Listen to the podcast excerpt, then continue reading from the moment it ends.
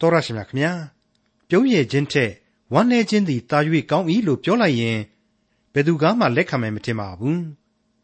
ဒါပေမဲ့အသေးအချာနဲ့နဲ့နဲ့နဲ့စဉ်းစားကြည့်ကြစီလိုပါတယ်အခုလိုပြောထားတာဟာဘာကြောင့်လဲဆိုတာကိုလည်းတစ်ဆက်တည်းသိရှိကြရမှာဖြစ်တဲ့ခရိယန်တမန်ကျမ်းရဲ့ဓမ္မဟောင်းကျမ်းပိုင်းတွေကဒေသနာကျမ်းအခန်းကြီး6နဲ့အခန်းကြီး9တို့ကိုဒီကနေ့တင်ပြရသောတမန်ကျမ်းအစီအစဉ်မှာလေ့လာမှာဖြစ်ပါတယ်လွန်ကျူးစွာမပြောင်းမှတ်နဲ့ လွန်ကျူးစွာပညာမရှိနဲ့အဘဲကြောင့်ကိုအကျိုးကိုဖျက်ချင်သည်။လွန်ကျူးစွာမဆိုးညစ်နဲ့မမိုက်နဲ့အချိန်မရောက်မီအဘဲကြောင့်သေခြင်းသည်လို့ဆိုထားပါသေးတယ်။ကျွန်တော်ကိုတရားဟောခဲ့တဲ့ခရိယန်သင်းအုပ်တရားဟောဆရာခရိယန်ခေါင်းဆောင်ကြီးတူအမိအယကင်ဆွဲထားတဲ့ခြံစည်းရိုးပေါ်ခွထိုင်လှေနံနှစ်ဖက်နင်း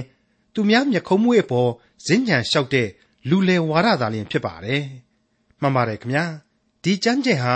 တမန်ကျမ်းထဲမှာဖော်ပြထားပါတယ်။လောကကြီးထဲကအရာအလုံးကိုအစိုးကြီးပဲမြင်နေတဲ့သူတယောက်ရဲ့အပေးအယူအလျှော့တင်းလုပ်ပြီးအသက်ရှင်လှေနံနှစ်ဖက်နင်းတဲ့လူလေတွေရဲ့သဘောထားအမြင်လားဖျားရှင်ရဲ့တုံတင်ချက်ဩဝါဒလားဆိုတာကိုကွဲကွဲပြားပြားခွဲခွဲခြားခြားသိရှိထားဖို့တော့လိုအပ်ပါလိမ့်မယ်။နေအောင်အောက်ကလူမိုက်ကြီးနေအောင်အောက်ကပညာရှိကြီးလို့နှမျိုးနှစားခေါ်လို့ရတဲ့သူတယောက်ရဲ့အမြင်လားဆိုတာ ဒေသနာကျမ်းအခန်းကြီး6နဲ့အခန်းကြီး9တို့ကိုဒေါက်တာထွန်းမြတ်အေးကအခုလိုသုံးသပ်ရှင်းလင်းထားပါတယ်။ရှောလမုန်မင်းကြီးရဲ့ဒေသနာကျမ်းသင်ခန်းစာတွေဟာပြည့်စုံကြွယ်ဝသောဝိညာဏအမြင်သစ်များကိုပေးစွန့်နိုင်ပါစေလို့ကျွန်တော်ဆုတောင်းမေတ္တာပို့သလျက်ရှိနေပါတယ်။မိတ်ဆွေအပေါင်းတို့ခမညာနေအောင်အောက်ကရှောလမုန်ဤအနတ္တအမြင်တွေကတော့ဘုရားသခင်နဲ့ခတ်ဝေးဝေးရှိနေသူအပြစ်သားလူကြီးတယောက်ရဲ့ဒသနအမြင်တွေသာဖြစ်တယ်။ အကုန်လုံးတို့ဟာနေအောင်အောက်မှာပဲနေအောင်အောက်ကစိတ်ဓာတ်နဲ့ရှုကြည့်တော့မြင်မြင်သမျှဟာအနတ္တတွေကြီးပဲဖြစ်လိမ့်မယ်။လေကိုကျက်စားသောအမှုတွေကြီးပဲဖြစ်ကုန်လိမ့်မယ်။ဒါကြောင့်မလို့ဒီဒေသနာစကားတွေတဲကအကျွင်းမဲ့အကျွင်းများအဖြစ်တည်ရှိနေသောချွင်းချက်ကွက်လက်တွေတဲမှာ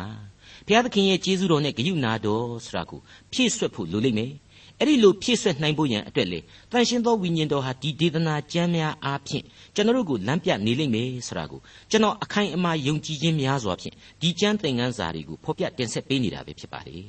မိတ်ဆွေအပေါင်းတို့ခမညာ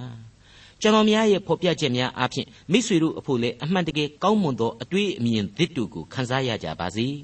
ဝိညာဉ်တော်သွန်သင်သည်များကိုအမိရယူနိုင်ကြပါစေလို့ဆုတောင်းပေးလိုက်ပါတယ် အခုအချိန်မှာတော့ကျွန်တော်တို့ဟာဒေသနာကျမ်းအခန်းကြီး6ကိုရောက်ရှိလာပါပြီအခုအခန်းကြီး6ရဲ့အငယ်1မှ6အတွင်းမှာရှောလမုန်မင်းကြီးဘယ်လိုဖော်ပြထားတယ်ဆိုတာကိုစတင်နားဆင်ကြည့်ကြပါစို့လူတို့တွင်အတွေ့များ၍နေအောက်၌ငါမြင်ရသောအမှုဆိုးဟုမူကားအလိုဆန္ဒရှိသမျှပြေလောက်အောင်စီးစိမ်ဥစ္စာဂုံအသရေကိုဘုရားသခင်ပေးတော်လေခံစားရသောအခွင့်ကိုပေးတော်မမူသောကြောင့်ကိုယ်တိုင်မခံစားရမဆိုင်သောသူတစ်ပါးဝင်၍ခံစားရသောအမှုသည် အနတ္တအမှုသိုးသောအမှုဖြစ်၏လူသည်နှစ်ပေါင်းများစွာအသက်ရှည်၍သားတရားပင်ရှိ냐တော်လေအလိုဆန္ဒမပြည့်စုံပဲတင်းကျူခြင်းကိုမခံရဘဲသေသွားလျင်ထိုသူတဲ့ပြက်သောကိုဝန်သည်သာ၍မြတ်၏အကြောင်းမူကားပြက်သောကိုဝန်သည်အချီးနှီးပေါ်လာ၏မှောင်မိုက်ထဲမှထွက်သွား၏သူ့အမိကမှောင်မိုက်နှင့်ဖုံးလွှမ်းလျက်ရှိလိမ့်မည်နေကိုလည်းမမြင်ရအဘယ်အရာကိုမျှမသိရ သို့တော်လည်းအရင်ဆိုသောသူတဲ့သာ၍ချမ်းသာရ၏အကယ်၍အရင်ဆိုသောသူသည်အနှစ်2000အသက်ရှင်တော်လေအကျိုးကျေးဇူးမရှိအလုံးစုံတို့သည်တခုတည်းသောအရတ်သို့သွားရကြသည်မဟုတ်လောဒီကြမ်းကြက်ထဲကစီးစိမ်ဥစ္စာနဲ့ဂုံအသရေကိုတော့ပေးတယ်ခံစားရသောအခွင့်ကိုပေးတော်မမူဆိုတာကိုကျွန်တော်သိပြီးတော့သဘောကျမိပါတယ်အလေးနဲ့လည်းတွေးမိပါတယ်ရှိတာကတော့ရှိတာတခြားကိုယ့်ရဲ့စိတ်ထားနဲ့ခံယူချက်တွေကို ကကိုယ့်ရဲ့ရှိခြင်းကိုတန်ဖိုးထားရဖို့တော့လိုလိမ့်မယ်ကျေးဇူးတော်ကိုကျေးဇူးတော်အဖြစ်မြင်ဖို့လိုတယ်လို့ပဲကျွန်တော်တို့တူတူတုတ်တုတ်ရှင်းလင်းကြပါ रे ဟုတ်ပါတယ်ဘုရားသခင်ကရှိအောင်ပေးထားတာဟာကိုခံစားစေခြင်းလို့ကိုကိုတမင်ပေးထားတာဆိုတာဟာရှင်းနေပြီဒါပေမဲ့ကိုယ်တိုင်ဟာပြားရည်စိုးများလို့ပေါ့ပြားရည်နဲ့သာအစဉ်ထိတွေ့နေရတယ်မချိုဘူးဆိုတဲ့အဖြစ်မျိုးလို့မဖြစ်ဖို့လိုပါတယ်ကိုလဲပြေဝအောင်ခံစားသူတစ်ပါးကိုလည်းဝေမျှဆိုတဲ့အသုံးချတန်ဖိုးကိုနားလေပါမှ ကိုယ့်ရဲ့ချမ်းသာခြင်းဟာအတိတ်ပဲရှိလိမ့်မယ်ကိုဟာလည်းဒီချမ်းသာခြင်းစည်းစိမ်ကိုမှန်ကန်စွာခံစားကြရလိမ့်မယ်လို့တင်ပြလိုက်ပါတယ်သားတွေတရားလောက်မွေးထားပြီးမှဘသူမှတောက်မှကိုသေးတော့တကြိုမပေးဘူးဆိုတာဟာလေအဲ့ဒီလိုရှိပါလျက်နဲ့မခံစားရခြင်းကိုပဲနောက်တစ်မျိုးဆိုဖွဲ့လိုက်ခြင်းပါမိတ်ဆွေအပေါင်းတို့ခမညာလူဤဘဝအနတ္တဆိုတာကိုသာဆက်လက်ပြီးတော့ရှောလမုန်မင်းကြီးဟာဖော်ပြလိုက်ပါတယ်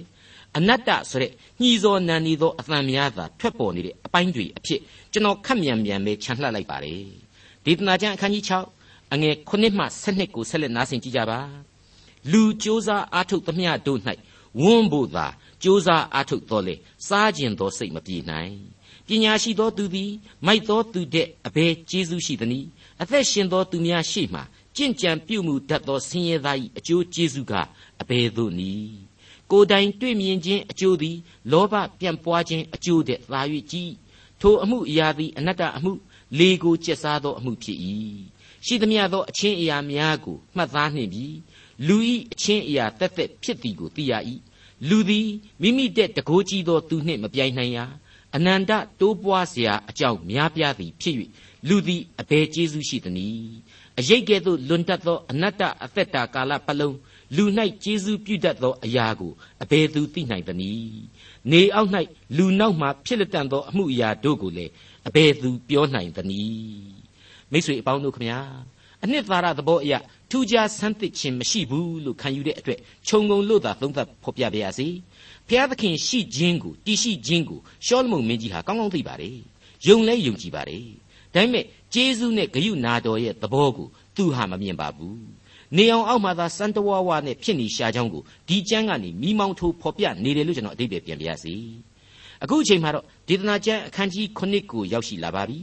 အခုအခန်းကြီး9ဟာရှောလမုန်ရဲ့အနတ္တသဘောတရားကိုနောက်ဆုံးအကျင့်လက်တွေ့စမ်းသပ်စစ်ဆေးကြည့်ရှုခြင်းပဲဖြစ်လိမ့်မယ်လို့ကျွန်တော်ကြိုတင်ဖော်ပြခြင်းပါတယ်အတိတ်သင်ခန်းစာတွေမှာဆိုရင်သိပ္ပံအတတ်ပညာမဟာအတွေးအခေါ်နဲ့အဘိဓမ္မာအသွေးအသားအာယုံခံစားမှုများနဲ့ဥပက္ခာတရား ကံကံဤစီမံခြင်းကိုလက်ခံတယ်ဆိုတဲ့အယူအဆအစိုးမြင်ဝါဒကိုးကွယ်ယုံကြည်မှုထုံတန်းစင်လာ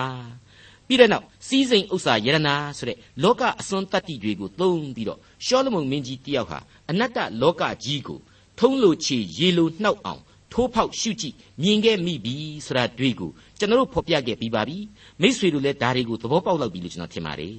ဒီကနေ့ဒီအချိန်မှာတော့တာမန်လူသားတို့ရဲ့အစဉ်အလာလို့ပြောယူရမယ် လူတို့ဤသဘာဝကျင့်စဉ်ကလေးများကိုဦးစားပေးပြီးတော့မှအနတ္တလောကကြီးကိုသူဘယ်လိုထိုးဖောက်သုံးသပ်လိမ့်အောင်မယ်ဆိုတာကိုကျွန်တော်တို့တွေ့ရမယ်အကြောင်းကြိုတင်ဖော်ပြထားနိုင်ခြင်းပါတယ်အခန်းကြီး9ရဲ့အငယ်1မှာစစချင်းဆိုလိုက်တာကတော့ကောင်းသောအသရေသည်နန့်သာစီတဲ့သာ၍ကောင်း၏သေရသောနေ့ရဲ့သီလေဖွားမြင်ရသောနေ့တဲ့သာ၍ကောင်း၏မသေးခင်မှာဂုံရှိတာမဆိုဘူးဒါပေမဲ့သေရင်ပိုကောင်းတယ်တဲ့။ကွာရီကွာရာကြီးဖြစ်နေပြီ။ အဲ့ဒါဟာကျွန်တော်တို့ကိုတမန်တော်ကြီးရှင်ပေါလုဖော်ပြခဲ့တဲ့ငါအသက်ရှင်သည့်အရာမှာခရစ်တော်ပင်ဖြစ်သေလျင်မူကားသာ၍အကျိုးရှိ၏ဆိုတဲ့အချက်နဲ့တွားပြီးတော့မရောစေခြင်းပါဘူးနော်။အတိတ်ပဲချင်းဟာတခြားစီပါ။တမန်တော်ကြီးရှင်ပေါလုဖော်ပြလိုက်တာကတော့ခရစ်တော်အားဖြင့်အောင်မြင်ခြင်း။အခုဟာကတော့လောကကြီးကိုစိတ်ကောက်ပြီးတော့သေခြင်းခြင်းအရှုံးပေးပြီးတော့မှသေခြင်းတာသဘောတဘာဝချင်းဟာတိတ်ပြီးတော့ခြားနာလွန်းလှပါလေ။အငယ်1မှ6ကိုဆက်လက်နားဆင်ကြကြပါအောင်စို့ မသာအိမ်သို့သွားခြင်းသည်ပွဲခံရအိမ်သို့သွားခြင်းတဲ့သာ၍ကောင်း၏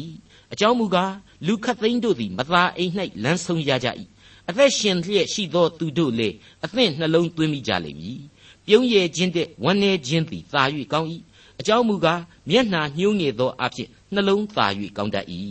ပညာရှိသောသူတို့၏နှလုံးသည်မသာအိမ်၌ရှိတတ်၏မိုက်သောသူတို့၏နှလုံးမူကားပျော်မွေ့ခြင်းပြုရာအိမ်၌ရှိ၏ လူမိုက်ပြီးခြင်းဆိုသောစကားကိုနားထောင်သည်တဲ့ပညာရှိဆုံးမသောစကားကိုနားထောင်သောသာ၍ကောင်း၏အကြောင်းမူကားမိုက်သောသူ၏ရဲခြင်းသည်အိုးအောက်၌စူးပင်ကိုလောင်သောအသံနှင့်တူ၏ထိုအမှုအရာသည်လည်းအနတ္တဖြစ်၏မိတ်ဆွေအပေါင်းတို့ခမညာစောစောဘိုင်းတုန်းကပဲသိရင်အေးတာပဲဆိုတော့ကိုသူဖော်ပြပါတယ်နောက်ဆက်တွဲသဘောတရားသစ်အဖြစ်အဲ့ဒီလိုသေကုန်ကြတဲ့လူတွေရဲ့မသားအိမ်တွေကိုတွားပြီးတော့အတုပတရားကိုဆင်ခြင် သင်္ခါရတရားကိုသာတွေးကြသင်ခန်းစာယူကြတဲ့အဲ့ဒါဟာပညာရှိတို့ရဲ့အလုပ်ဖြစ်တယ်တဲ့အဲ့ဒီအရက်ဒေသဒီမှာပညာရှိတွေကဟောတာပြောတာဒီကိုလည်းနားထောင်ပြီးတော့ဘဝရဲ့အဖြေကိုရှာကြပါဆိုတဲ့သဘောမျိုးလေးဖြစ်နေပါလေအခုပညာရှိတွေဆိုတာဟာလေအမှန်တော့အနတ္တဝါဒီပညာရှိကြီးတွေပဲဖြစ်ရလိမ့်မယ်လို့ကျွန်တော်တို့ခံယူလိုက်ကြပါစို့မိတ်ဆွေအပေါင်းတို့ခမညာအခုအချိန်မှာဒေသနာကျမ်းအခန်းကြီး9အငယ်9မှ10ကိုဆက်လက်တင်ပြခြင်းပါတယ် နားဆင်ကြည့်ကြပါအကယ်စင်စစ်ညှင်းဆဲခြင်းသည်ပညာရှိသောသူကိုယူစေတတ်၏တစိုးသည်လည်းစိတ်နှလုံးကိုယိုယွင်းစေတတ်၏အမှုဤအဆုံးသည်အစတဲ့သာ၍ကောင်း၏သီးခံတတ်သောသဘောရှိသောသူသည်မာနကြီးသောသူတဲ့သာ၍ကောင်း၏အမျက်ထွက်သည်တိုင်အောင်စိတ်မတူနှင့်အမျက်သည်မိုက်သောသူဤစိတ်နှလုံး၌နေရာကျရ၏ရှေးကာလသည်ယခုကာလတဲ့အဘယ်ကြောင့်သာ၍ကောင်းသနည်းဟုမမေးနှင့် ထိုသို့မေးလျင်ပညာတရားအတိုင်းမေးသည်မဟုတ်အနတ္တတရားတွေကြီးဖြစ်တဲ့လောကကြီးမှာဘယ်သူမှလောကရန်ဆက်ကွင်းကြီးနဲ့မလွတ်နိုင်ဘူးအဲ့ဒါကြောင့်အရှိအရှိအတိုင်းငြိမ်ပြီးတော့သာခံနေလိုက်ကြအဲ့ဒါဟာအကောင်းဆုံးပဲလို့ဆိုဖွဲ့လိုက်တဲ့အတူတူပါပဲဒေသနာကျမ်းအခန်းကြီး9အငယ်7မှ14ပညာသည်အမွေဥစ္စာကဲ့သို့ကောင်း၍နေကိုမြင်သောသူတို့အားကျေးဇူးပြုတတ်၏အကြောင်းမူကားပညာသည်ကွယ်ကာတတ်၏ ငွေသည်လည်းကွယ်ကာတတ်၏ပညာအတတ်သည်အဘယ်သို့မြတ်သနည်းဟုမူကားပညာအတတ်ကိုရသောသူသည်အသက်ကိုလည်းရတတ်၏ဘုရားသခင်အမှုတော်ကိုဆင်ခြင်လော့ကောက်စီတော်မူသောအရာကိုအဘယ်သို့ဖြောင့်စေနိုင်သနည်းကောင်းစားသည်ကာလ၌ဝမ်းမြောက်လော့ဆင်းရဲခံရသည်ကာလ၌ဆင်ခြင်လော့လူသည်မိမိနောက်မှဖြစ်လက်တန်သောအမှုအရာကိုသိမိအကြောင်းဘုရားသခင်သည် ကောင်းစားခြင်းနှင့်ဆင်းရဲခြင်းကိုအလှဲ့လှဲ့ပေးတော်မူ၏ ပညာကိုတောင့်တအပ်တယ်ဘာဖြစ်လဲဆိုတော့ပညာတရားဟာကိုယ့်ကိုလုံခြုံစေတယ်ပြီးတော့အသက်ကိုပေးတယ်တဲ့သိတော့မဆိုးလှဘူးနော်ထာဝရဘုရားကိုကြောက်ရွံ့ခြင်းသဘောဘက်ကိုညွန်ပြလာတယ်လို့လိုပဲဒါပေမဲ့ဘုရားသခင်ပေးတဲ့ကောင်းကြီးမင်္ဂလာအဖြစ်ပြီးပြီးပြင်းပြင်းမဖော်ပြဘဲနဲ့လောကရန်တဲကတခြားအမွေအနှစ်များလို့ပဲလောကအရာတစ်ခုအဖြစ်အမွေအဖြစ်ခံစားရတယ်လို့ပဲဖော်ပြထားတဲ့အတွေ့ပေါ့ပြက်ပြက်ကြီးဖြစ်သွားရတယ်ပြီးတော့ဘုရားသခင်ရှိနေတာ တကောအာနုဘော်တော်နဲ့လူအဖွဲ့အစည်းကိုချုပ်ကိုင်းနေတာဟာဒေသနာဆရာသိတယ်ဘုရားသခင်ရှိပြီးတော့ဘုရားသခင်ကချုပ်ကိုင်းနေတဲ့သဘောကိုဒေသနာဆရာရှောလုံးမင်းကြီးကကောင်းကောင်းသိတယ်ဒါပေမဲ့အဲ့ဒီဘုရားသခင်ရဲ့ဂယုဏတရားဆိုတာဘာလဲ तू မဖော်ပြဘူးကျေးဇူးတော်ဆိုတာဟာလေဘာလဲဆိုတာကို तू မဖော်ပြဘူး तू သိထားတဲ့အနတ္တတရားနဲ့ပဲစီရင်နေသလိုလိုဖော်ပြလိုက်ပါတယ်ဟုတ်ပါတယ်ကံစီမံရာကိုသာခံရမည်ဆိုတဲ့ fatalism အယူအဆအတိုင်းနေသူ့အချိန်နဲ့ तू ဖြစ်နေမှာပါပဲကွာ အဲ့ဒါတွေဟာဘုရားသခင်လုပ်နေတာကြီးပါပဲဆိုတဲ့ပုံ၍ချလိုက်ခြင်းအဖြစ်ကျွန်တော်ရှုမြင်သုံးသပ်ပါတယ်မိတ်ဆွေတော်တတ်ရှင်အပေါင်းတို့အကုသိုလ်ဆိုတာဟာဘယ်တော့မှတခုတည်းမပြေဘူးကွာမလာတတ်ဘူးကွာဒုက္ခဆိုတာဟာအတွဲလိုက်အိမ်ပေါ်ကိုတက်လာတတ်တယ်ကွာဆိုတဲ့အယူအဆနဲ့လူသားအပေါင်းတို့ဟာကိုယ့်ဘာသာကိုသွေးကြောင်ပြီးတော့တရသေးတွက်ဆတာမျိုးရှိတတ်ပါတယ်အခုဒေသနာကျမ်းကတော့အဲ့ဒီလိုလူတွေးတွေးခြင်းပုံစံနဲ့ဆင်တူနေပါတယ်ဒါပေမဲ့အဲ့ဒီလိုဒုက္ခဆိုတာဟာအတွဲလိုက်လာတယ်ဆိုတာနဲ့ဆန့်ကျင်ဘက် အမှောင်တွေလွန်သွားရင်တော့အလင်းတစ်လှဲ့မုတ်ချရောက်ရဘေးအောင်မပေါ့ကွာဆိုတဲ့လူဘိန်းကြိုက်ဖြစ်နေပါလေအမှန်တော့အဲ့ဒီအတိုင်းမှားသလားဆိုရင်လည်းသိတော့မမှားပါဘူးအကယ်၍သာနေအောင်အောက်ကလူဘဝမြင်မြင်သမျှအနတ္တဆိုတဲ့အဆိုးကိုသာမြင်နေတဲ့စိတ်ကိုစွန့်ပယ်ပလိုက်ပြီးတော့ကျေးဇူးတရားကိုသာနားလေစွာခံယူမယ်ဆိုရင်အခုတည်းပို့ပြီးတော့အတိတ်ပဲဟာပြည့်ဝသွားမယ်လူတယောက်ရဲ့ခံစားချက်ဟာလေအသက်ပါလာလိမ့်မယ်လို့ကျွန်တော်ဆိုချင်ပါတယ်ဒါဝိမင်းကြီးဟာလည်းအခုဒေသနာကျမ်းရဲ့သဘောတရားမျိုးအတိုင်းပဲရေးခဲ့ဘူးပါတယ် ဒါပေမဲ့အခြေခံအနှစ်သာရနဲ့အယူအဆချင်းခံယူချက်ချင်းဟာအလွန်အလွန်ကွာလှမ်းလှပါတယ်ခံယူရတဲ့ကျွန်တော်တို့အဖို့ရသဟာလေအလွန်ပဲကွာခြားနေပါတယ်30ခုမြောက်သောဆာလံအတွင်းမှာဆိုရင်လေဒါဝိမင်းကြီးအခုလိုဖော်ပြခဲ့လေအမျက်တော်သည်ခဏထွက်၏ကျေးဇူးတော်မူကားတစ်သက်လုံးတည်၏ညဥ်ရ၌ငိုကြွေးခြင်းသည်လာ၍တဲခို၏နန်နဲ့ရ၌ကတည်ခြင်းဆိုရသောအခွင့်ရှိ၏ဆိုပြီးတော့ဆုဖွဲ့ထားပါတယ် 120ခုမြောက်သောဆာလံမှာကျတော့အဲ့ဒီလောကရန်တရားနဲ့အနတ္တလူသားတို့အတွက်အေယာမကျေးဇူးတော်ကြီးအကြောင်းကိုအခုလိုဖော်ကျူးလိုက်ပါသေးတယ်မိษွေတို့အမှတ်တရပြန်ပြီးတော့နားဆင်ကြည့်ကြပါငါကိုမဆခြင်းအကြောင်းသည်ပေါ်ထွက်ရသောတောင်ရိုးသို့ငါမျှော်ကြည့်၏ကောင်းကင်နှင့်မြေကြီးကိုဖန်ဆင်းတော်မူသောထာဝရဘုရားထံတော်မှငါကိုမဆခြင်းအကြောင်းသည်ပေါ်ထွက်ရ၏သင်ဤခြေကိုချော်စေခြင်းကအခွင့်ပေးတော်မမူသင်ကိုစောင့်တော်သူသည်အိတ်တော်မမူ အကယ်စင်စစ်ဣသရေလအမျိုးကိုစောင့်တော်သူသည်ငိုင်မီအိပ်ပျော်ခြင်းရှိတော်မမူထာဝရဘုရားသည်သင်ကိုစောင့်တော်မူ၏ထာဝရဘုရားသည်သင်၏လက်ရဘက်၌ရှိသောသင်ခိုလှုံရာအရေးဖြစ်တော်မူ၏နေ့အချိန်၌နေအားဖြင့်၎င်းညအချိန်၌လအားဖြင့်၎င်းအထီးအခိုက်မရှိရထာဝရဘုရားသည်မကောင်းသောအမှုအရာအလုံးစုံတို့ကိုကွယ်ကာ၍သင်၏အသက်ကိုစောင့်တော်မူလိမ့်မည်ထာဝရဘုရားသည်သင်၏ထွက်ခြင်းနှင့်ဝင်ခြင်းတို့ကိုယခုမှစ၍ အစင်မပြတ်စောင့်တော်မူလိမ့်မည်ဟုတ်ပါတယ်မိတ်ဆွေအနတ္တတရားဆိုတာကတော့ရှောလမုန်ကအခုလိုတခမ်းတနာပြောသည်ဖြစ်စေမပြောသည်ဖြစ်စေဖော်ပြသည်ဖြစ်စေမဖော်ပြသည်ဖြစ်စေမြေသားတို့အဖို့မလွန်ဆန်းနိုင်အောင်အမှန်ပဲရှိနေတယ်ဒါပေမဲ့အဲ့ဒီမြေသားတို့အဖို့အနတ္တတရားနဲ့ဆင်ပြိုင်ကကဲတင်ပိုင်သောသခင်ရဲ့ကျေးဇူးတရားဆရာဟာထင်ရှားစွာပေါ်လွင်နေသေးကြောင်းကိုတော့ပြတ်သားစွာနားလည်ခံယူထားလိုက်ကြပါစို့ဒေသနာကျမ်းအခန်းကြီး9 အငယ်15မှ22ငါသည်အချီးနှီးနေသောကာလ၌ခတ်သိမ်းသောအရာတို့ကိုတွေ့မြင်ပြီးဖြောက်မတ်သောသူသည်မိမိဖြောက်မတ်ခြင်း၌ဆုံးရှုံးကြောင်းကို၎င်းအတ္တမလူသည်မိမိအတ္တမအမှု၌အသက်ရှည်ကြောင်းကို၎င်းငါမြင်၏လွန်ကျူးစွာမဖြောက်မတ်နှင့်လွန်ကျူးစွာပညာမရှိနှင့်အဘယ်ကြောင့်ကိုအကျိုးကိုဖျက်ချင်သနည်းလွန်ကျူးစွာမဆိုးညစ်နှင့်မမိုက်နှင့်အချိန်မရောက်မီအဘယ်ကြောင့်သိကျင်သနည်းဤစကားကိုဆွေးလန်းကောင်း၏ လက်မလွတ်နှင့်ဘုရားသခင်ကိုကြောက်ရွံ့သောသူသည်ခတ်သိမ်းသောအမှုတဲကထွက်မြောက်လိမ့်မည်မြို့ထဲမှနေသောသူရဲ့တကြိတ်တဲ့ပညာရှိသောသူတစ်ယောက်သည်ပညာအားဖြင့်သာ၍တကိုးကြည့်၏အပြစ်မပါဘဲကောင်းသောအကျင့်ကိုကျင့်သောသူတော်ကောင်းတစုံတစ်ယောက်မျှမြေကြီးပေါ်မှာမရှိသူတစ်ပါးပြောသမျှသောစကားတို့ကိုမမှတ်နှင့်တို့ပြုလျင်ကိုကြွန်ကျိန်ဆဲသောစကားကိုကြားလိမ့်မည်သင်သည်ကိုယ်တိုင်သူတစ်ပါးတို့ကိုအဖန်ဖန်ကျိန်ဆဲကြောင်းကိုကိုယ်စိတ်နှလုံးထဲမှာသိ၏ ကဲစိစိနားထောင်လိုက်ကြတဲ့လူတွေအဖို့ကတော့အဖြေဟာအသေးရစရာဘာကိုဘယ်လိုခံယူရမှန်းတောင်မသိစရာပဲလို့ကျွန်တော်ခံယူမိပါတယ်စကပြေလေးတစ်ခုအနေနဲ့ကျွန်တော်ရှင်းပြပါရစေငါသည်အချီးနှီးသောနေသောကာလအချီးနှီးနေသောကာလသို့မဟုတ်ဘာအလုတ်အကင်ကိုမျှမရှိဘဲနဲ့ဒူးနှံ့လို့သာနေရတဲ့ကာလနေအောင်အောက်ကလူလောကကြီးရဲ့ဖြစ်နေပုံပြက်နေပုံတွေကိုစိန်ပြေနှပြေစမ်းသပ်ကြည့်ရှုနေသောကာလအတွင်းမှာသစ္စာတရားကြီးတစ်ခုကိုအခုလိုတွေ့လာတယ်ဖြောက်မှတ်တဲ့လူတွေ ဖြောက်မှတ်ပါရဲ့သားနဲ့အကြီးအကျယ်ဒုက္ခရောက်နေတာတွေကိုငါတွေ့တယ်အရမပြုတ်နေတဲ့လူယုံမာတွေမတရားကြီးပွားပြီးတော့အသက်တွေတောင်မှရှည်နေကြတာတွေကိုငါတွေ့တယ်အဲ့ဒါတွေကိုငါတွေ့ရတယ်ဒါကြောင့်သိလေမင်းတို့ဖြောက်မှတ်မနေနဲ့သိလေအတ္တမအမှုတွေကိုကျူးလွန်မနေကြနဲ့ဘာဖြစ်လို့လဲဆိုတော့ဘုရားသခင်ရှိနေတယ်ဘုရားသခင်ကိုကြောက်ရွံ့မယ်ဆိုရင်ဖြစ်သမျှအကြောင်းအကောင်းကြီးပဲဆိုတဲ့သဘောအတိုင်းအနတ္တတရားကိုခံစားရမှကျေနပ်နိုင်လိမ့်မယ်။အော်အရာရာဟာဘာဆိုဘာမှမရေရပါလား။ အကုန်လုံးအနတ္တကြီးပါလား။တန်ဖိုးမရှိပါလားဆိုပြီးတော့ဖြေသိမ့်နိုင်လိမ့်မယ်ဆိုတဲ့သဘောပါပဲ။ဟုတ်ပါတယ်။ဘုရားသခင်ကိုကြောက်ရွံ့သောသူသည်ခတ်သိမ်းသောအမှုတွေကထွက်မြောက်လိမ့်မည်ဆိုတာဟာအဲ့ဒီသဘောနှီးညွှဲပြီးတော့မှရရှိလာတဲ့အဖြေပါ။ခတ်သိမ်းသောအမှုဆိုတာကတော့စောစောတုန်းကဖော်ပြခဲ့တဲ့အနတ္တတရားကိုလက်ခံလက်ခံပြီးတော့ကြည်ကျက်လှုပ်ခြင်းမိစဉ်ကြည်ကခြင်းလှေနံနှစ်ဖက်နင်းခြင်းအမှုတွေကိုဖော်ပြလိုက်တာပါပဲအဲ့ဒီအမှုတွေကိုကြည်ပါလွန်ကျူးစွာမဖြောင့်မတ်နဲ့ လွန်ကျူးစွာလည်းပညာမရှိနှင့်မရှိနှင့်လွန်ကျူးစွာလည်းမဆိုးညစ်နှင့်မမိုက်နှင့်တဲ့အလွန်အပြောလွယ်တဲ့အမှုအလွန်လူဘိန်းကြိုက်လို့ပြောနိုင်တဲ့ဖောဖောတီတီတွေးခေါ်နေတဲ့အမှုပဲဖြစ်ပါတယ်ကျွန်တော်ပြောခဲ့တဲ့အတိုင်းလှေနံနှစ်ဖက်နင်းခြင်းပါပဲမိတ်ဆွေအပေါင်းတို့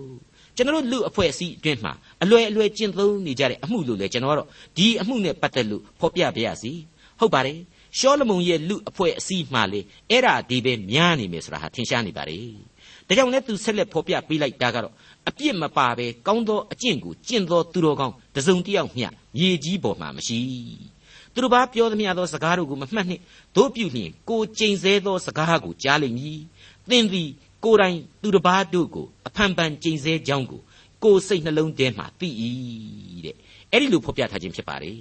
ဘသူမှလောကကြီးမှာမကောင်းဘူးဆိုတဲ့တရားဖြစ်နေပါတယ်ဟုတ်ပါတယ် သစ္စာတရားဟာဒါကိုအမြဲသတိပေးနေပြီးသားဖြစ်ပါတယ်နှုတ်ကပတ်တော်တမန်ကျမ်းစာမှာလေဒါကိုအမြဲတမ်းသတိပေးနေပြီးသားဖြစ်ပါတယ်တမာတရားကသတိပေးတာဟာကဲတင်ချင်းတရားကိုလူသားတို့ခံစားနိုင်ဖို့ဖြစ်ပါတယ်ဒါပေမဲ့အနတ္တကြီးပဲအနတ္တကြီးပဲဆိုပြီးတော့နဖူးလက်နဲ့ရိုက်ပြီးတော့မထူးဇက်ခင်းဖို့အရှင်းမဟုတ်ပါဘူးမိတ်ဆွေအခုဒေသနာကျမ်းမှာကြားရတာဟာတခုမှအားတက်စရာမရှိပါဘူးစိတ်တက်ကြစရာနဲ့စိတ်ညစ်စရာတွေကြီးပဲလို့ကျွန်တော်ခံယူပါတယ်ဟုတ်ပါတယ် နေအောင်အောက်ကအနတ္တအမြင်နဲ့ရှုကြည့်သုံးသပ်လို့ကတော့ပဟေလိတွေနဲ့အပြည့်ရှိနေတဲ့လူဘဝရဲ့လောကဓမ္မတွေရဲ့ဟာအရာရာမှာအရှုံးပေးစရာလက်လျှော့ခြင်းစရာတွေကြီးပဲလို့ကျွန်တော်ဆိုချင်ပါတယ်ပောက်တဲ့နှဖူးမထူဘူးဆိုပြီးတော့ဝင်ပြီးမျောယုံရောယုံပဲလို့ကျွန်တော်တွေးစရာထင်စရာကောင်းလာပါတယ်ဒေသနာကျမ်းအခန်းကြီး9အငယ်23မှ25ဤအမှုအရာအလုံးစုံတို့ကိုငါသည်ပညာတရားအဖြစ်စုံစမ်းပြီး ပညာနှင့်ငါပြည့်စုံမည်ဟုဆိုတော်လေပညာသည်ငါနှင့်ဝေ၏ဝေသောအရာအလွန်နဲ့နဲသောအရာကိုအဘယ်သူရှာ၍တွေ့နိုင်သနည်းပညာတရားနှင့်အကျိုးအကြောင်းကိုရှာဖွေစစ်ဆေး၍သိနာလေခြင်းဟာ၎င်းမိုက်စွာကျင့်ခြင်းဤအပြစ်နှင့်ယူခြင်းဤအပြစ်ကိုသိနာလေခြင်းဟာ၎င်းငါနှင့်ငါနှလုံးသည်ဝိုင်းညီ၍ကြိုးစားလေပြီတဲ့အခုကျမ်းပိုင်းဟာရှောလမုန်မင်းကြီးရဲ့ကိုယ်ပိုင်အဖြစ်အပျက်တွေဖြစ်ရပါလိမ့်မယ်သူဟာအဲ့ဒီအနတ္တတရားကို သူစောစောတုန်းကပြောခဲ့တဲ့ဤတွေအတိုင်းပဲလက်တွေ့စမ်းသပ်စစ်ဆေးကြည့်ရှုတယ်ဆိုတာကိုဖော်ပြပေးလိုက်ပါတယ်ဝန်ခံလိုက်ပါတယ်ကျွန်တော်ဟာဒီဒေသနာကျမ်းရဲ့ဏ္ဍန်မှာကလေးကသုတ်တန်ကျမ်းကိုရေးဖွဲ့သူရှောလမုန်နဲ့ဒေသနာကျမ်းကိုရေးသားသူရှောလမုန်တို့ဟာလူချင်းကတော့အတူတူပဲဒါပေမဲ့စိတ်အနေအထားချင်းကတော့မတူဘူးဘဝနှလွှာအဖြစ်ခြားနာနေတယ်မတူညီသောတယုတ်များကိုစောင့်နေတဲ့ဆိုတာကိုဖော်ပြပေးခဲ့ပါတယ်သုတ်တန်ကျမ်းဆရာရှောလမုန်ဟာ ဖျားသခင်နဲ့အလွန်နီးကပ်သောပညာရှိကြီးရှောလမုန်အဖြစ်နဲ့သုတ်တန်ကျမ်းကိုပြုစုခဲ့တယ်ဒေသနာကျမ်းဆရာရှောလမုန်ကတော့ဖျားသခင်နဲ့ဝေးနေသောလူမိုက်ကြီးအဖြစ်ဒေသနာစကားအနတ္တတရားများကိုသာရေးသားနေတယ်ဆိုတာကိုလည်းဖော်ပြပေးခဲ့ပြီးပြီဖြစ်ပါတယ်အခုရှောလမုန်ဟာဒီအတိုင်းမှန်ကန်ကြောင်းကိုဝန်ခံနေတယ်လို့မြင်ရပါတယ်ဤအမှုအရာအလုံးစုံတို့ကိုငါသည်ပညာတရားအဖြစ်စုံစမ်းပြီးပညာနှင့်ငါပြည့်စုံမည်ဟုဆိုတော်လေပညာသည်ငါနှင့်ဝေး၏တဲ့ပြီးတဲ့နောက်မှာတော့ သူဟာသူဒေသနာပြုခဲ့တဲ့အတိုင်းလှေနံနှစ်ဖက်နင်းပြီးတော့မိစဉ်ကြည့်ကြတဲ့လူကြီးတယောက်အဖြစ်ဆက်လက်ဝန်ခံပေးလိုက်တယ်လို့ဆိုချင်ပါတယ်ဝေးသောအရာအလွန်နက်နဲသောအရာကိုအဘယ်သူရှာ၍တွေ့နိုင်သနည်းပညာတရားနှင့်အကျိုးအကြောင်းကိုရှာဖွေစစ်ဆေး၍သိနာလေခြင်းဟာ၎င်းမိုက်စွာကျင့်ခြင်းနှင့်အပြစ်ဤယူခြင်းအပြစ်ကိုသိနာလေခြင်းဟာ၎င်းငါနှင့်ငါနှလုံးသည်ဝိုင်းညီ၍ကြိုးစားလေပြီတဲ့မိတ်ဆွေတို့ရှင်အပေါင်းတို့ခမညာ အခုရှင်းရှင်းလင်းလင်းဖော်ပြပေးခဲ့တဲ့ကျမ်းစာကျမ်းစာစကားတွေအားလုံးဟာရှောလမုန်မင်းကြီးရဲ့ကိုယ်ပိုင်ဖြစ်စဉ်အမှန်တွေရှောလမုန်မင်းကြီးကိုယ်တိုင်လက်တွေ့ကြင်ကြံပြုမှုခဲ့ပုံတွေကိုရောင်ပြန်ဟပ်ဖော်ပြနေတယ်လို့ဖြစ်နေကြောင်းကိုတွေ့ရပါပြီအခုဆက်လက်ပြီးတော့တွေ့ရအောင်မယ့်အချက်တွေးဟာလေအလွန်ပဲကိုရေးကိုတာဆန်နေပြန်တယ်ဆိုတာကိုဆက်ပြီးတွေ့ရပါလိမ့်မယ်ဒေသနာကျမ်းအခန်းကြီး9အငယ်26မှ28ကြော်ကွင်းနှင့်ပိုက်ကွန်တို့ကိုကြံစီပြင်ဆင်၍ကျိုးနှင့်ချီနှောင်တတ်သောမိမသည် သေခြင်းတဲ့သာ၍ခါသည်ကိုငါတွေ့ပြီဘုရားသခင်စိတ်တွေ့တော်မူသောသူသာလျှင်ထိုမိမလက်နှင့်လွတ်လိမ့်မည်အပြစ်ပြုရသောသူကိုကဖမ်းမိလိမ့်မည်ဓမ္မဒေသနာဆရာဆိုသည်ကငါရှာ၍မတွေ့သေးသောအရာကိုတွေ့အံ့သောငါတစ်ခုနောက်တစ်ခုစစ်ဆေးချင့်တွက်သောအခါယောက်ျားတစ်ထောင်တို့တွင်တယောက်ကိုငါတွေ့ပြီမိန်းမတစ်ထောင်တို့တွင်တယောက်ကိုမျှငါမတွေ့ရည်စရာကြီးဖြစ်နေပြီ သုတ်တန်ကျမ်းမှာကလေးကမိမတွေနဲ့ပတ်သက်ပြီးတော့မကောင်းဘူးမကောင်းဘူးဆိုတာတွေကိုအကြိမ်ကြိမ်ပြောခဲ့တဲ့ရှောလမုန်တကြော့ပြန်ပြီးတော့အခုတခါထပ်ပြီးတော့မကောင်းဘူးလှုပ်လာပြန်ပြီဟုတ်တယ်သုတ်တန်ကျမ်းတွေတုန်းကဆိုရင်လေရန်တွေ့တတ်သောမိမနှင့်အတူလူများသောအိမ်၌နေရသည်တဲ့အိမ်မိုးပေါ်တောင့်တဲမှနေတော်သာ၍ကောင်း၏တဲ့အဲ့ဒါကိုသုတ်တန်ကျမ်းအခန်းကြီး27မှာလည်းပြောတယ်အခန်းကြီး25မှာလည်းထပ်ပြီးတော့ပြောတယ် တခါဆက်ပြီးတော့သုတ်တန်ကျမ်းအခန်းကြီး29ထဲမှာကျတော့ရန်တွေ့တတ်သောမယားသည်မိုးသီးစွာရွာသောနေ့၌အဆက်ဆက်ကြသောမိုးပေါက်နှင့်တူ၏ထိုမိမကိုသိမ့်ထားသောသူသည်လေကိုသိမ့်ထားသောသူနှင့်တူ၏တဲ့အဲ့ဒီလိုသူရေးသားဖော်ပြခဲ့တာတွေဟာသူ့လက်တွေ့အတွေ့အကြုံတွေကနေလာတာမိမတွေနင့်ကန်ယူသားသမီးတွေပြောက်တော့မွေးယူကာစတုန်းကတော့ပျော်တယ်ပျော်တယ်နဲ့အသက်ကြီးလာတော့မှဒုက္ခတွေ့ပြီ အဲ့ဒီမိမတွေတဲ့ကသူ့ကိုပြန်ပြီးတော့ရန်တွေ့တာအချင်းချင်းထရန်ဖြစ်ကြတာပူညံပူညံလောက်တာတွေပေါ်လာပြီအသက်ကြီးလာလို့ကြပြာကလေးစာကလေးရေးမလားလို့စိတ်ကူးပါတယ်တကယ်တစ်ချိန်လုံးအနာကပ်ပြီးတော့စိတ်ဆင်းရဲစရာတွေပြစ်တောက်ပြစ်တောက်နဲ့အပြစ်တင်တာတွေလာလာပြောနေပြီဆိုတဲ့အဖြေကိုလည်းကျွန်တော်တို့ထုတ်နှုတ်ရယူလို့ရနိုင်ပါတယ်ဟုတ်ပါတယ်ရှောလမုန်မင်းကြီးအခုဖော်ပြလိုက်တာဟာရှင်းနေပါတယ်အဲ့ဒီလိုမိမကြီးတွေနဲ့များပေါင်းသင်းနေရတာဟာတဲ့ခေါင်းကျိန်းတာပဲ ငယ်ရိပ်ပေါ်ကိုရေတွေတစ်ဆက်ပြီးတစ်ဆက်တောက်တောက်တောက်တောက်ငယ်ကြနေတယ်လို့ပဲဒင်းတို့တွေကိုငါယူမိထားပြန်တော့လည်းမတတ်နိုင်ဘူးလှိမ့်ပိန်ခံရတော့မှာပဲလေဖြစ်များဖြစ်နိုင်ရင်တော့ဒင်းတို့တက်ပြီးမလိုက်နိုင်တဲ့နန်းတော်ခေါင်မိုးဘော်ကိုကြောင်းကြိုက်တက်ပြီးတော့ငါငါတယောက်တည်းနိုင်ပါငုတ်တုတ်ကလေးထိုင်နေခြင်းလိုက်တာတဲ့အဲ့ဒီသဘောဖြစ်နေပြီမဟုတ်ဘူးလားအဲ့ဒီလိုသုတ်တန်ကျမ်းတော့ကဖော်ပြခဲ့တယ်လို့အခုဒေသနာကျမ်းကြတော့လေမယိုးမဆွဲပါပဲမယိုးမဆွဲဆိုပေမဲ့တခုတော့ထူးလာတယ် အဲ့ဒီမိမတွေတဲကတချို့ဟာသူ့ကိုဘယင်ကြီးစီးစိမ်ရှင်ကြီးဆိုပြီးတော့အမိဖမ်းခဲ့လို့ပဲသူကလက်ထပ်ခဲ့ရတဲ့သဘောမျိုးသူကသူများကိုသွားပြီးအပြစ်ကလေးဖွတ်တုတ်တုတ်လောက်တာလေးအစ်စ်ပါလာတယ်ကြော်ကွင်းနှင့်ပိုက်ကွန်တို့ကိုကြံစီပြင်ဆင်၍ကျိုးနှင့်ချီနှောင်တတ်တဲ့မိမတဲ့မရှင်းဘူးလားအဲ့ဒီမိမမျိုးကြီးနဲ့ယူမိတာငါ့မှာဒုက္ခတွေလှလှကြီးစိုက်တော်တာပဲတဲ့အရေးအသားကလည်းအတော်ကြီးပိုက်နာကိုတွေ့ရပါတယ်သေခြင်းတက်တောင်မှခါတယ်လို့ဆိုလိုက်ပါသေးလားကဲ ငငယ်တုန်းကတော့ပျော်တယ်ပျော်တယ်နဲ့လေကလေးတစ်ချွန်ချွန်နဲ့ရှောသမို့အခုအိုကြီးအိုမရောက်ခါမှဘယ်နဲ့ရှိစားယူတော့ကတော့ပြုံးပြုံးပြုံးနဲ့ယူခဲ့တယ်အခုတော့ဖနှောက်နဲ့ပေါက်ပြီးတော့အိမ်ပေါ်ကနေကန်ချခြင်းနဲ့ဒါပေမဲ့ကန်ချရမယ်ဆိုရင်လေမိမပေါင်းတစ်ထောင်လောက်ထဲကအနည်းဆုံးတဝက်လောက်ရှိလိမ့်မယ်ထင်တယ်သူ့ခြေထောက်သာကြွက်တဲ့ရင်တက်မယ်ကုန်မှာမဟုတ်ဘူးအဲ့ဒီသဘောမျိုးဖြစ်နေတာကိုတွေ့ရပြီပို့ပြီးတော့ဆိုးသွားတာကတော့ဘုရားသခင်ကိုပါမစီမဆိုင်ဆွဲထက်လာပြန်ခြင်းပဲ ဘုရားသခင်စိတ်တော်နှင့်တွေ့တော်မူသောသူသားလျှင်ထိုမိမလက်နှင့်လွတ်လိမ့်မည်တဲ့မပြပြင်းဘူးလားဘုရားသခင်အလိုတော်ကြောင့်ဒီမိမကြီးတွေကိုတောင်သူအောင်ဤပြီးတော့ပေါင်းတင်နေရပါတယ်ဆိုတဲ့သဘောပဲဒါပေမဲ့သူ့စိတ်ကသိတ်တော်လဲလုံဟန်တော့မရှိဘူးငါအပြစ်နဲ့ငါပါလေဆိုပြီးတော့အသံလေးညှောင်နာနာနဲ့ဆက်တယ်အပြစ်ပြုတတ်သောသူကဖမ်းမိလိမ့်မည်ဆိုပြီးတော့ဖော်ပြတယ်ငါကမကောင်းတာငါကမဟုတ်တာဆိုပြီးတော့ရင်ဘတ်ကိုဘုံဘုံဘုံထုပြီးတော့ညီးတာပဲလို့ကျွန်တော်တို့တွက်ပါတယ် နောက်ထပ်ဆက်လက်ဖော်ပြလိုက်တာကတော့မိုးကဲလေကဲကိုသာခတ်လို့ရခြင်းရမယ်မိမကဲကိုခတ်လို့မရဘူးဆိုတဲ့သဘောဖြစ်ပါတယ်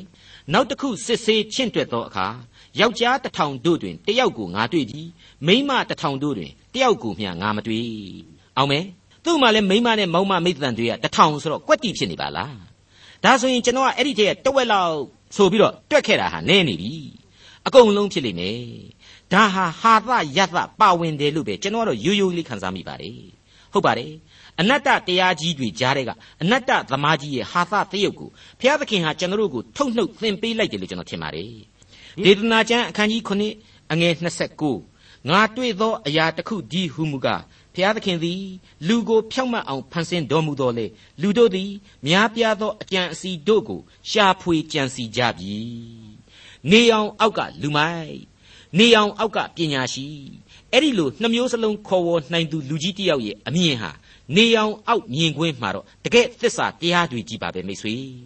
အာရနဲ့အေဝါတို့ကိုဘုံအသရေတော်နဲ့ရစ်ပတ်ခဲ့လို့အဝတ်ဝတ်เสียမလိုခဲ့ပါဘူးစာရန်မာနအာကိုနဲ့အဲ့ဒီဘုံအသရေတော်ကိုအဲ့ဒီလူသားတို့ဟာခွာချပစ်ခဲ့ကြတယ်အဲ့ဒီမှာရင်အနတ္တတရားဟာလွှမ်းမိုးပြီးတော့အနတ္တဝိယုံကိုသာခြုံနေရသောဘဝမှသာ လူသားဖြစ်တဲ့ကျွန်တော်တို့မိษွေတို့အသီးသီးဟာကျင်လည်နေရကြောင်းတင်ပြလိုက်ပါရစေဒေါက်တာထွန်းမြတ်ရေးစီစဉ်တင်ဆက်တဲ့တင်ပြတော်တမချန်းအစီအစဉ်ဖြစ်ပါတယ်နောက်တစ်ချိန်အစီအစဉ်မှာခရိယန်တမချန်းရဲ့တမောင်းကျမ်းပိုင်းတွေကဒေသနာကျမ်းအခန်းကြီး၈ကိုလေ့လာမှာဖြစ်တဲ့အတွက်စောင့်မျှော်နားဆင်နိုင်ပါတယ်။